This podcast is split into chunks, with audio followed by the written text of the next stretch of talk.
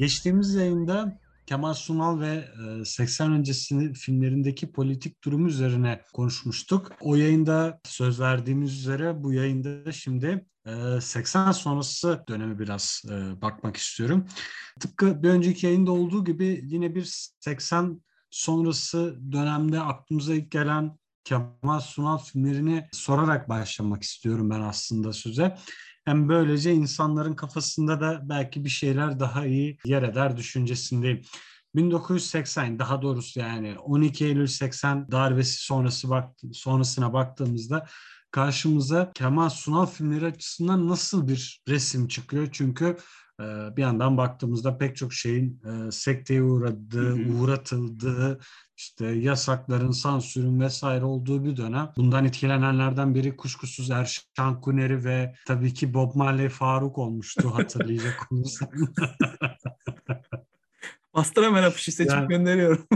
Gönderemiyordum. Yani baktığımızda Erşen Kuneri bir film çekebilmek için 42 yıl beklemek zorunda kaldı. Evet. Darbe yani. sonrasında pardon dizi sağ olsun Netflix sayesinde Erşen Kuneri'nin dizisini seyredebileceğiz yani. İnşallah güzel bir şey çıkar da eğleniriz bol bol. Ya ben Çok şüphem yok ya o konuda yani. Ya benim de işte e, Cem Yılmaz rahat davranırsa inşallah çok güzel bir şey çıkacak diye düşünüyorum ben. Şöyle başlayayım. 80 sonrası her şeyin değiştiği gibi Kemal Sunal filmleri de değişti.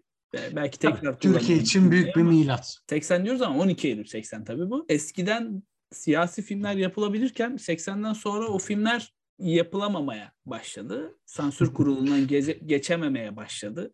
Yayınlanamaya başladı. Birçok film çekildi ama çekildikten sonra sinemaya aktarılamadı. Beyaz perdeye aktarılamadı. İzleyemedik, göremedik, bilemedik. Çok yıllar sonra bazı filmlere rast geldik ama Kemal Sunal bu dönemde siyasi hani e, Zübük gibi, e, Kibar Feyzo gibi, Köşeyi Dönen Adam filmleri gibi siyasi söylemlerden çok daha e, sosyal e, durumları açıklamaya çalışan filmler çekmeye başladı. Bunda 24 Ocak kararlarının da etkili olduğunu düşünüyorum ben. Çünkü ekonomik bakımdan insanlar geriye gitmeye başladı o dönemde.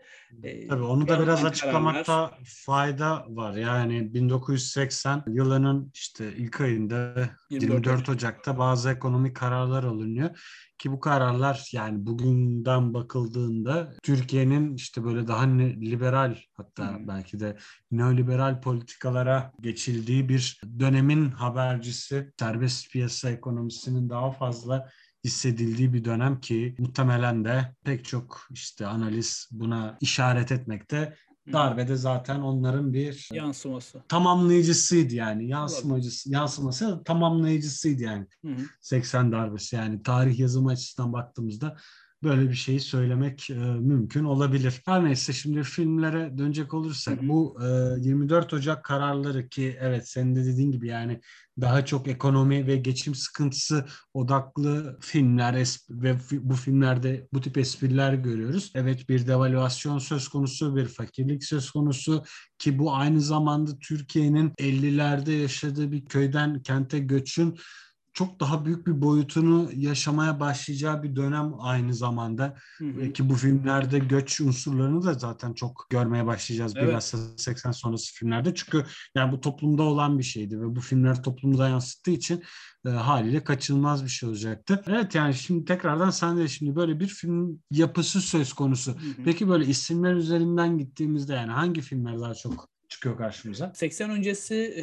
Zeki Ökten, Atıf Yılmaz gibi isimlerle çalışıyordu. Bu dönemden sonra e, daha çok Natuk Baytan'ın filmleri etkili olmaya başladı. En fazla Kartal Tibet de çekti filmlerini. Evet bu doğru. Yani özellikle 80 sonrası Kartal Tibet'te çok fazla çalıştı.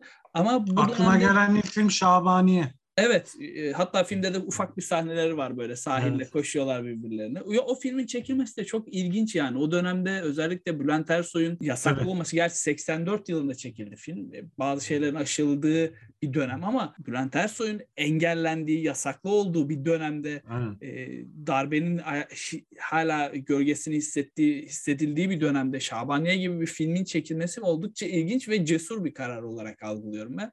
Ki e, hatta bir bu da bir tavırdır baktığında. Danış Gör filmiyle de dalga geçiyordum ben hani Şabaniye daha güzel o filmden. bu da ama, bu da ama yani önemli önemli bir tavır yani o dönem için baktığımızdaki çok sonrasında şimdi Bülent Ersoy'un benzer bir örneği belki şey için de söyleyebiliriz. Yani Şark Bülbülü'nde İbrahim Tatlıses. Ee, ya ee, onda da daha çok arabesk filmlerine çakma e, durumu olduğu için o da yani şey e, Peki. 80 ee, olması 80 sonrasıydı sanırım ona bir bakmam. Yok o 79 evet, o da var o. 80 sonrasıydı 81'deydi. Arabesk filmlerine çakıyordu o daha çok. Ya evet. bu dönemde Natuk Baytan filmleri ön planda. Neden diyecek olursan Natuk Baytan diğer yönetmen Atıf Yılmaz gibi ya Ertem Eğilmez gibi Zeki Ökten gibi sert bir dil kullanmıyor. Natuk Baytan daha üstü kapalı ama daha e, bana göre daha etkili olabilecek filmler çekiyor. Yedi Bela Hüsnü olsun, Üç Kağıtçı olsun ki Üç Kağıtçı'daki evet. sahneleri bilirsin. Tokatçı'daki kısa yoldan zengin olma hikayesi, evet. isteme, köydeki hala şey muhabbetleri işte namusun belli ölçülerde aranması veya kız isteme kızın bir mal gibi alınıp satılması olaylarına evet. Kibar Feyzo'daki gibi yöresel ağızla değil de daha İstanbullu ağzıyla daha farklı açıdan bakıyor. Bence daha etkili. Kibar Feyzo da etkili ama bence bunlar daha etkili. Üçkağıtçı olsun, tokatçı olsun bu filmler daha etkili. Ee, diğer taraftan da Memduh... Çarıklı Milyoner de geldi aklıma. Belki ona da bir parantez açabiliriz. Bir Kartal ee... Tibet filmi Çarıklı Milyoner hani o aslında zenginliği tamamen hani şey arı zeng diğer filmler Natuk Baytan filmlerinde zenginliği ararken burada zenginliğin üstüne düşüyor. istemeden evet. düşüyor. Bir davulcuyken birdenbire zengin oluyor diyebiliriz. Natuk Baytan filmlerinde ise bir zengin olma çabası var. Atla Gel Şaban, o da Aydemir Akbaş'ın senaryosudur. 80, 70'lerin efsane isminin böyle bir film yapmış olması da ayrı bir e, bomba. Yakında arkadaşlar bildiğim kadarıyla ikisi Kemal Sunal'la şey. E, zaten filmde de Kemal Sunal'ın adı Niyazi ama kimse de çıkıp demiyor ki filmin adı niye Şaban. Birkaç film daha var böyle. Daha Aydemir Akbaş şey diyor. Biz filmi çektik. Filmin adını da Atla Gel Şaban koyduk. Kimse de çıkıp demedi ki bunun adı Şaban değil. Öyle bir içselleştirmişlerdi Kemal'i diyor. Natuk Baytan filmlerinde dediğim gibi daha çok e, bir şeye ulaşma, bir paraya ulaşma, e, çabalama, tokatçıya karşı tokatlama e, stilini benimseme var. Ama Çarıklı Milyoner'de tamamen böyle durduk yere başına bir şeyler gelen ki en büyük Şaban filminde şeydir. E, Charlie Chaplin'in bir filminden esinle e, şeydir, hmm. yerli versiyonudur. Çarıklı Milyoner hmm. daha çok hani babadan miras kaldı. E, hmm. Yanlış bir bilgi vermiş olmayayım. Babadan miras kaldı muhabbeti hmm. olmuştur. Yani en dikkat çeken isim Natuk Baytan 80 sonrası. Hmm. Filmleri de var. Kartal Tibet'te de daha çok böyle hani e, salon filmi tarzı, ko- saf komedi, komedi unsurları barındıran filmler, dramlar gibi e, filmler çekti diyebiliriz. Bu arada Kartal Tibet'le Fatma Girik ve Memduh e, beraber de çalışıyor filmlerde. Onlara evet, Kartal Tibetli filmleri denince aklıma gelen yine 80 sonrası yapımlardan e, Sosyete Şaban da var. Hı hı. Ben o filmin bilhassa bazı sahnelerini yani hala e, izlediğimde gerçekten yani neler olacağını bilmeme rağmen bilhassa işte o cin çıkarma sahnesinde yani enteresan bir şekilde e, kendimi böyle kontrol edemeden bir gülme krizine e, kapılıyorum. Yani ne bileyim çok enteresan yani. Şimdi bile aklıma geldikçe böyle bir e, gülümsüyorum. Mesela orada da aslında işte bu senin de dediğin gibi zenginin içine düşmüş bir yani zengin zaten, zaten bir A aynen batan iflas eden bir iş adamı arkadaşının kızıyla evlendiriliyor. Yani evlenmek istiyor, evleniyor vesaire. Hı-hı. O da Perihan Savaş, Kenan Pars da işte e, o arkadaşı. Öyle bir durum söz konusuydu. E, yani baktığımızda genel manada siyasi vurguların da ya da işte bu bütün e, anlatımın da ekonomik üst yapı üzerine daha çok kurulduğunu Kesinlikle. görmekteyiz. Kesinlikle. Bunun dışında işte o film içindeki tırnak o skeçlerde ara ara bazı e, şey böyle siyasi dokundurmalar görürüz ya da mesela bazı filmlerde arkada işte bir ne bileyim Kenan Evren fotoğrafı. Yedi Bela hatırlayanlar bilir. Bu kuru, kuru fasulye yeme sahnesi vardır restoranı dağıttı. O kuru fasulyecinin dükkanında arkada böyle bir sahnede Kenan Evren portresi görürüz. Ufak yani çok büyük değil ama ufak da değil. Hani görünür, kadraja girer. Evet. Hani sanki şey orada bir mesela Natuk Baytar şey mesela hani üstümüzde bir Kenan Evren e, gölgesi var. Dikkatli evet. çekmeye çalışıyoruz. Mesajı da vermiş olabilir bilmiyorum rahmetli. Ne düşündü Muhtemelen. Mesela işte bu vardı. yine ekonomi temelli filmlere baktığımızda mesela Katma Değer Şaban. Tamamen işte e, Özallı yılların etkisi. E, geçim evet. zorluğunun etkilediği zamanlar. Geçim geçim Hani insanlar geçinemiyor. Bunun da bir sinemaya aktarılması gerekiyor. Bunu da Kemal Sunal yapıyor. Ee, çok fazla özellikle 84'te Özal geldikten sonra çok çok fazla var. Katma değer Şaban'da var. Orta direk Şaban'da var. Ee, sürekli zam geliyor. Bir şeylere simide zam geliyor. Bir şeye zam geliyor. Hatta bir gün zam gelmiyor. Zam gelmedi diye fıttırmaya başlıyor Kemal Sunal.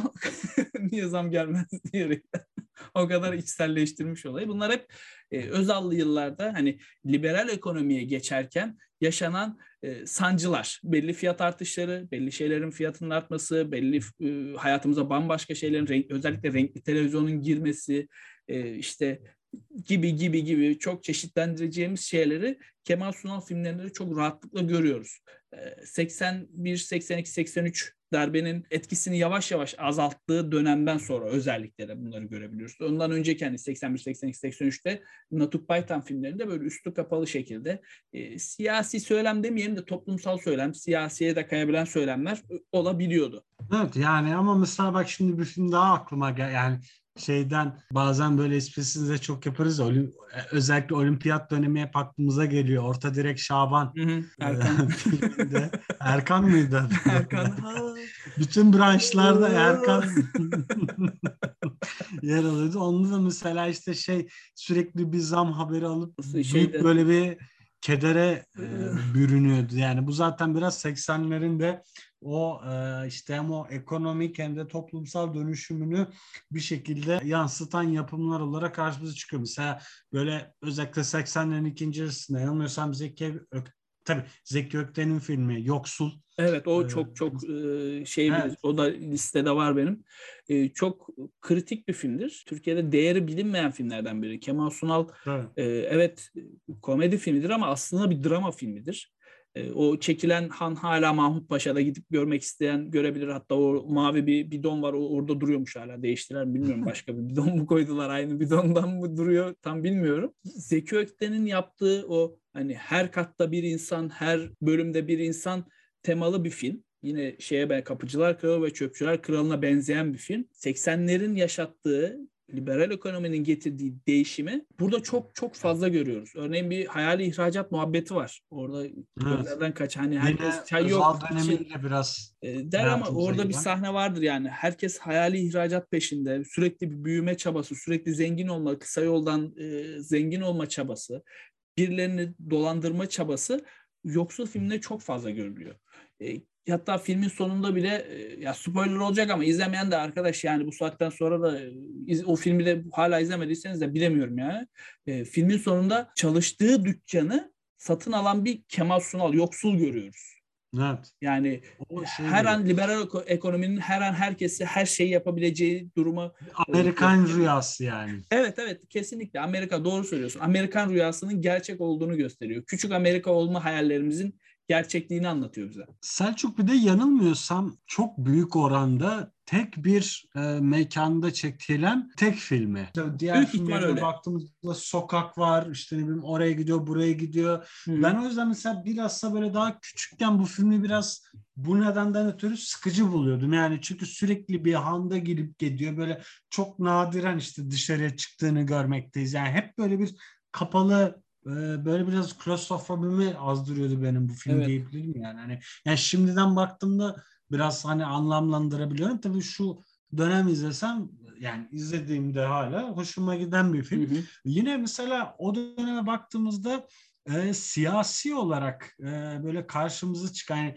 çünkü 80'lerin böyle özellikle ikinci yarısında işte artık bir şekilde işte o seçimlerin yapılması işte ne bileyim evet ANAP'lı yıllar yani bir parlamenter e, yönetim tekrardan söz konusu Türkiye'de. Evet yani başta e, Cumhurbaşkanı olarak e, Kenan Evren ve sonuçta onun kurduğu bir düzenin devamı söz konusu ama nispeten işte hem ekonomide hem de politik olarak bir liberalizm, liberalizasyon diyelim söz konusu. O yüzden belki bununla ilintili olarak baktığımızda mesela Deli Deli Küpeli ve Davacı filmlerini görüyoruz ki Deli Deli Küpeli ve Davacı filmi yani yani sonuçta bir yerde baktığımızda devletin kaymakamı söz konusu hı hı. E, burada ve bu aslında işte köy yolları kapanıyor vesaire ve bu bir e, şey oluyor. Kay, pardon kaymakam mı oluyor? Belediye kaymakam oluyor. Ya şöyle kaymakam. bir detay var. Kaymakam oluyordu. Şöyle kaymakam, bir kaymakam. Detay doğru. var. Aslında bu film 1960'lar olması zannediyorum. Yanılmıyorsam 1961 mi? Tam hatırlamıyorum tarihini. Karlar Erimeden diye bir film çekiliyor. Hı hı. Bu filmin 86 versiyonu. Yeniden çekilmiyor. Tekrar çekiyor, çekiliyor ama e, tabii üstünde e, darbenin etkileri de o görmek mümkün. Devletin gücü aslında Tabii. her şeye yetiyor ama ilgilenmiyor. Ama yettiği zaman yani, da görüyoruz. Bunu tabii. nasıl halledebileceğini görüyoruz. İstediği zaman halledebileceğini anlatan bir film. Davacıdaysa 70'lerden gelen 80'lere de yansıyan aslında bir bakıma hani Özal'ın kırmak istediği bürokrasinin artık kırdı mı kıramadı mı bu ne kadar olduğunu tartışılır. Yok tabii ki kırmadı. Kırsa pardon filmi çekilme. Ya şöyle bir şey bence Türkiye'de e, Türkiye'nin adalet sistemi açısından yani adalet sistemini eleştiri açısından baktığımızda ve pek çok yapım var muhakkak ama Pardon'la beraber beni böyle en çok etkileyen. E, yapımdır davacı. Neden? işte hani hep derler işte Allah bir mahkemeye bir de hastaneye düşürmesin. Kesinlikle. Yani bu Türkiye için söylenir. Bilmiyorum ya başka ülkelerde yani geçmiş ülkelerde Hastanedir mahkeme. onlarda da sağlık sigortaları. Yani onlarda evet hastane çünkü nüfus yaşlı öyle bir durum söz konusu yani sürekli hastalanıyorlardır. Ee, baktığımda mesela hep böyle işte hani Kılıbık filminde de mesela hani bir türlü böyle karakolun önünden geçmek Hı-hı. istemez ya işte evet. şey e, Kemal Sunal ki o da bu yanılmıyorsam bu dönem 83 çekilmiş filmlerin 83 mi? Uğur İnan, biraz daha önce. E, hani böyle... Yönetmeni Uğur İnan tek filmi sanırım e, bugün araştırıyorum çok ilgilenemedim e, tek filmi e, yönetmenin ama yapımcısı Memduh'un. Şeyde Balta Limanı'nda çekilen bir film benim de çok sevdiğim bir filmdir mesela evet, baktığımızda. Evet. Şimdi bu filmler bu saydığımız filmlere baktığımızda hep böyle bir e, devlet mekanizmasına ve onun böyle aygıtlarına karşı bir mesafeli durma ya da doğrudan bir eleştiri görmekteyiz. İşte bilmiyorum ne kadar çok böyle kronolojik olarak mı gidiyoruz işte yine o dönemde baktığımızda biraz böyle daha siyasi e, açıdan şey daha fazla olan film mesela ben şey hatırlıyorum yani 90 olması lazım 90 90 90'dır evet. Koltuk belası var mesela. Evet o belediye başkanı oldu 90'dı sanırım ya ben de öyle bir şey hatırlıyorum. Evet. 90 veya 91. E, koltuk belası çok Orada fazla da... iz... şöyle bir şey söyleyeyim. Ben e, 90'dan sonra hani Kemal Sunal filmleri zaten çok azdır. Mecbur televizyonun 90 yayınlamasından son... ötürü. Yani ee, bir 91'de var yemez. Var, var yemez. Ya işte Rahat. o filmleri de e, neden çekti? Bir de propaganda var işte. Başka ben. Propaganda, tane... şöyle söyleyeyim. Çok ayrı bir film propaganda diğerlerine nazaran. Diğerleri daha ekonomik kaygı. Abuk subuk film bir Bay film, var falan yani. vardı ya. Yani Baykan o diziydi. Onları televizyon evet. için hani para için yaptığı belliydi o filmleri veya evet, dizileri. Evet. Ama propaganda çok başka. Hani çok başarılı bir film olarak görüyorum ben onu. Kemal Sunal'ın aslında Şener Şen gibi nasıl dramaya da kaydığını gösteriyordu bize. Şimdi yaşasaydı çok çok başka filmlerde de oynayıp hani karşımıza çıkacağına ben eminim. Öyle şeyler yapabilirdi. Ee, onun da örneğini gördük ki Balalayka'da da öyle bir rolle karşımıza çıkacaktı ama e, el vermedi. Vefat etti o arada. Politik olarak ekonomik açıdan göstermeye çalışıyordu. Eleştiri eleştiri. Çünkü e, eleştiriler genelde direkt ekonomik siya, siyasi olarak yapılamıyordu. E, çünkü yani çeksen bile yayınlayamıyorsun o filmi. Yayınlayamadıktan sonra niye çekim, niye o emeği vereyim dedikten sonra e, haliyle en azından ekonomik yönden zamdır, işte kira, ev kirasıdır, piyango çıkmıştır örnek veriyorum ve at yarışından para vurmuştur minvalinde filmler çekmeye başladı. Bu da toplumun paraya olan ihtiyacı, toplumun yaşadığı değişim, e, toplumun nasıl para kazanmaya, kısa yoldan nasıl zengin olmaya çalıştığını gösteren çeşitli filmlerdi. Bunları söyleyebilirim 80 sonrası daha çok. Yani ben şeyi de düşünüyorum şimdi mesela Kemal Sunal'ın aldığı filmler bir Altın Portakal oluyor. Yani mesela kapıcı, bir tane var. Kapı, Kapıcılar Kralı'yla evet. Alt, değil mi? Altın Aha, bir Portakal. Kapıcılar Kralı'yla Altın Portakalı var.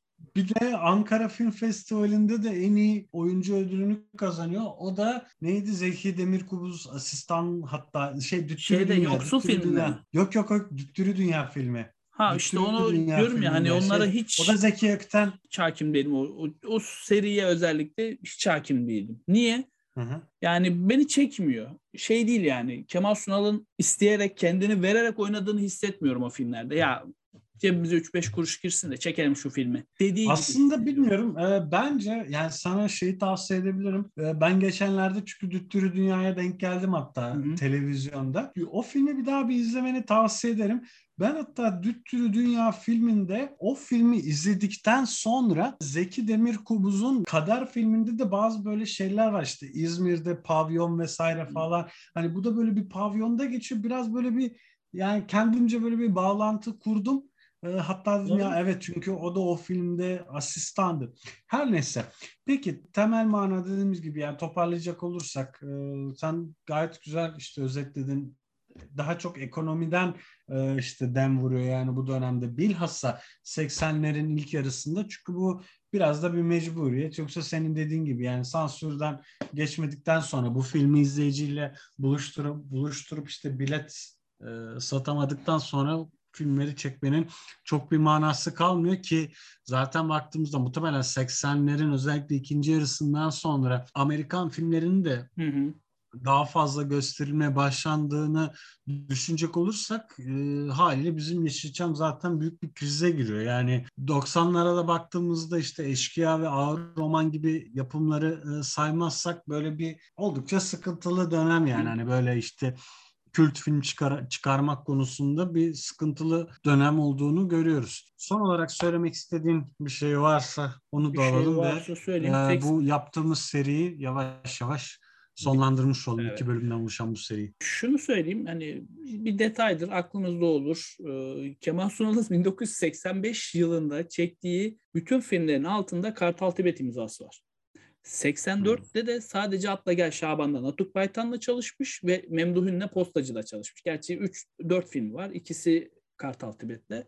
Hani iki senede 8 filmde Kartal Tibet'le e, beraber çalışmışlar. E, bu ayrıca bu dönemde bir şey daha söylemek istiyorum. E, arada bir yerde söyledim ama hani kaynamış olabilir. E, Fatma Girik'le yakın arkadaşlardı. Geçtiğimiz Fatma hı Girik bölümünde de anlatmıştım. Memduh'un çektiği ve Fatma Girik'le beraber kamera karşısına geçtikleri e, filmler e, yani 80'den sonra daha çok. E, mesela Devlet Kuşu'yla başlıyor. Tabii orada Fatma Girik yok. Devamında işte Kanlı Nigar olsun 81'de işte Postacı filmi olsun e, Fatma Girik'le beraber oynayıp Memduh'un yönettiği beraber e, bir şeyler yaptıkları, para kazanmaya çalıştıkları filmler olarak dikkat çekiyor. Bunlar da e, postacı filmi uyanık bir memuru anlatıyor. Aa, belki de hani benim memurum işini bilir. Memurunun ete kemiğe bürün tam olarak bürünmüş demeyelim de e, onu anlattı bir film. Kanuni Niger'de tarihi zaten e, pek çok defa tiyatroya, sinemaya aktarılan bir film. E, bilen biliyor, izlemeyen de izlesin artık. Hacı Bumbalası vardır, en efsanesi. Hiçbir şey yoksa o vardır akıllarda kalan. Fatma Giri'nin o zenci suratıyla karşımıza çıktığı, gözlerini böyle belerte belerte denilen e, gözleri şey sahnesiyle karşımıza çıktığı bir film. E, bunlar vardı. Benim e, aklıma gelenler, notlarım arasında olanlar bunlar. Postacı demişken aklıma yani çok da uzatmak istemiyorum ama şey geldi. Bir de bir Almancı serisi var aslında Kemal Sunal'ın evet. işte postacı bir nebze sayılabilir çünkü bir Almancı Hı-hı. abi var işte evet, evet. Ee, Erdal Özyağcılar. Sonra zaten Gurbetçi filmi kendisi öyle bir de Pozay var. Ee, baktığımızda mesela evet. böyle bir e, yine çünkü o dönem artık işte böyle e, muhtemelen Şeyde de ikinci, var. Davarado da Almanya'dan geliyor hatırlarsan. Doğru. Hani seri falan getiriyor böyle çavurma evet. yapmaya çalışıyorlar. Evet ona da bak. Kaç Mesela katma değer Şaban öyle. Evet evet. Demek ki o yıllarda hani Almanya'dan e, ekonominin de e, tabii. dövizle dön, dö, dövizin daha çok ekonomiye girmesi, Türkiye'ye girmesi sonucu Almanya'dan insanların e, turist olarak yani vat Türk vatandaşlarının turist olarak veya kesin dönüşte gelmeleri muhabbeti e, muhabbetine de değinmiş. Aradaki yaşanan farklılıklar hani örneğin e, Katma Değer Şaban'da gelip e, vergileri eleştirmesi, her şey bütün vergileri eleştirmesi. Hani Almanya'da nasıl yaşanıyordu, burada nasıl görünüyor veya Gurbetçi Şaban'da gidip orada biraz katakulle çevirip Almanları alt etmesi gibi gibi. O filmde gibi. miydi köydeki bütün çocukları evet, nüfusuna evet, evet. kaydettiriyor? Evet, e, şu Yıldız Soy isimli e, çocukları alıp kaydettiriyordu. Alman devleti de buna para Zaten veriyor. çok yaşanan bir hikaye. Peki. Yani Kemal Sunal filmlerini bu yüzden seviyoruz. Çünkü her şeyle yani her filmde mutlaka Türkiye'nin bir yansımasını görüyoruz. Hiçbir Ee, yani bir abartı var ama asla bir işte olumsuz manada abartı yok. Neyse o. Yoksa elbette ki komedi unsur eklemek için işin içine biraz böyle abartı eklenecek. Teşekkürler Selçuk. Ben teşekkür Ağzına ediyorum. sağlık. Ben teşekkür ediyorum. İlk bölümümüzde vaat ettiğimiz gibi yani Türk sineması üzerine, Yeşilçam üzerine daha pek çok şeyi konuşacağız işte. Bunlardan biri muhtemelen başlı başına bir Natuk Vaytan filmi olacak ya da e, bölümü olacak ya da işte ne bileyim böyle daha genel çerçevede bir belki tekrardan Kemal Sunal anlatısı yaparız. Belki değil mutlaka yapmamız lazım bir Cüneyt Arkın, ne bileyim tabii, bir tabii. Sadri, e, Sadri Alışık vesaire vesaire böyle elbette gidecek. Tekrardan teşekkürler. E, dinleyenlere de teşekkür ediyoruz. Hoşçakalın, sağlıcakla kalın.